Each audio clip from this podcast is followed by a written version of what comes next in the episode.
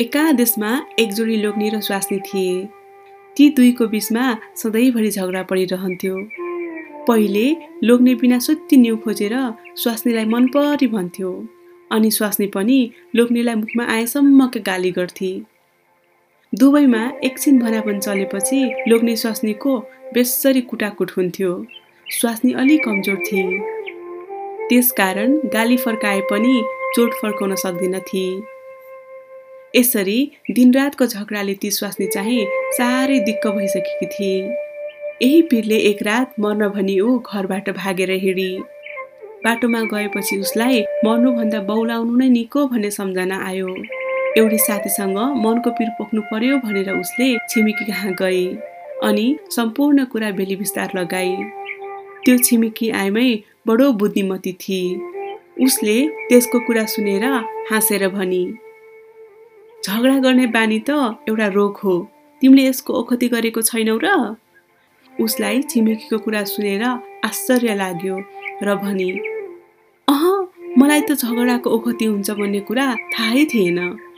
त्यसो भए नआत्यो मसँग झगडाको ओखति छ भनेर छिमेकी बुढी भित्र पसी र एउटा ठुलो सिसीमा झोल ओखती ल्याएर बाहिर निस्की।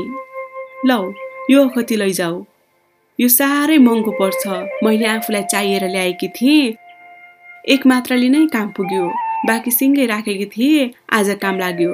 भन्दै त्यो ओखती भरिएको सिसी ती छिमेकी बुढीले ती आइमाईलाई दिइन्। अनि यो ओखती कतिखेर खाने हुने दिदी? भनेर उसले छिमेकीसँग सोधी। छिमेकीले पनि राम्ररी सम्झाएर भने बहिनी जुन बेला घरमा ठुलो झगडा पर्न आँट्यो भने लाग्छ ठिक त्यही बेला तिन चम्चा जति यो ओखती सुरुप्प पार्नु आधा घन्टासम्म मुखमा राख्नु। त्यति बेलासम्म त्यसलाई निल्नु थुक्नु वा केही गर्नु हुँदैन। आधा घन्टापछि जे गरे पनि हुन्छ। छिमेकीले बताएको उपाय सुनेर खुसी भएर फर्किए भोलिपल्ट बेलुका घरमा पहिले जस्तै लोग्ने र स्वास्नी बिच झगडा सुरु हुन लाग्यो। लोग्नेले बिना कारण स्वास्नीलाई न्यु खोजेर उफ्रिन थाल्यो। व्यर्थ आफूसँग लोग्नेले न्यु खोजेको देख्दा ती स्वास्नीलाई पनि असाध्यै रिस उठ्यो। जेसुकै परोस् भनी लोग्नेलाई बेसरी कुराले झपाड्न ऊ कसी। त्यसै बेला एक्कासी उसलाई ओखतीको सम्झना आयो र तुरुन्त भित्र पसी अनि तिन चम्चा ओखती सुरुप्प पारे। लोग्ने झन् उफ्रिँदै भित्र पुग्यो। मुखमा ओखती भएको कारणले गर्दा स्वास्नी चाहिँ बोल्न मिलेन।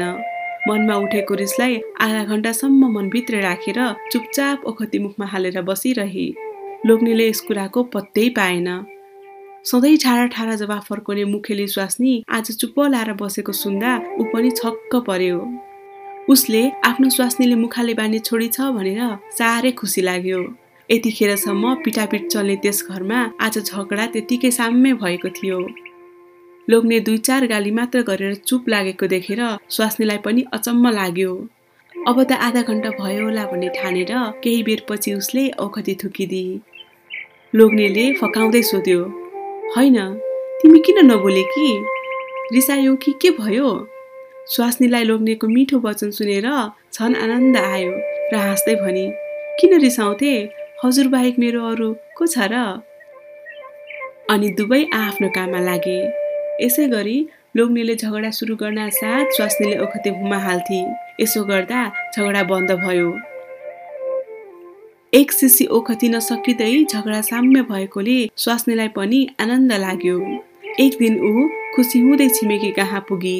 छिमेकीले उसँग सोधे आजकल तिम्रो घरको हालचाल के छ त? झगडा अझ पनि हुन्छ कि? ओहो दिदी त्यो ओखती त बडो असल रहेछ नि। त्यो खान थालेपछि उहाँको रिस त साँच्चै साम्य भयो। अब त उहाँले मलाई कहिल्यै पिट्नुहुन्न। उल्टो माया पो गर्नुहुन्छ। उसको कुरा सुनेर छिमेकीले हाँस्दै भनी बहिनी तिमी साँच्चै छोजिरहेछौ तिम्रो घरको झगडा साम्य भएको ओखतीले होइन। सिसीको त पानी हो। ओखती कहाँ हो र?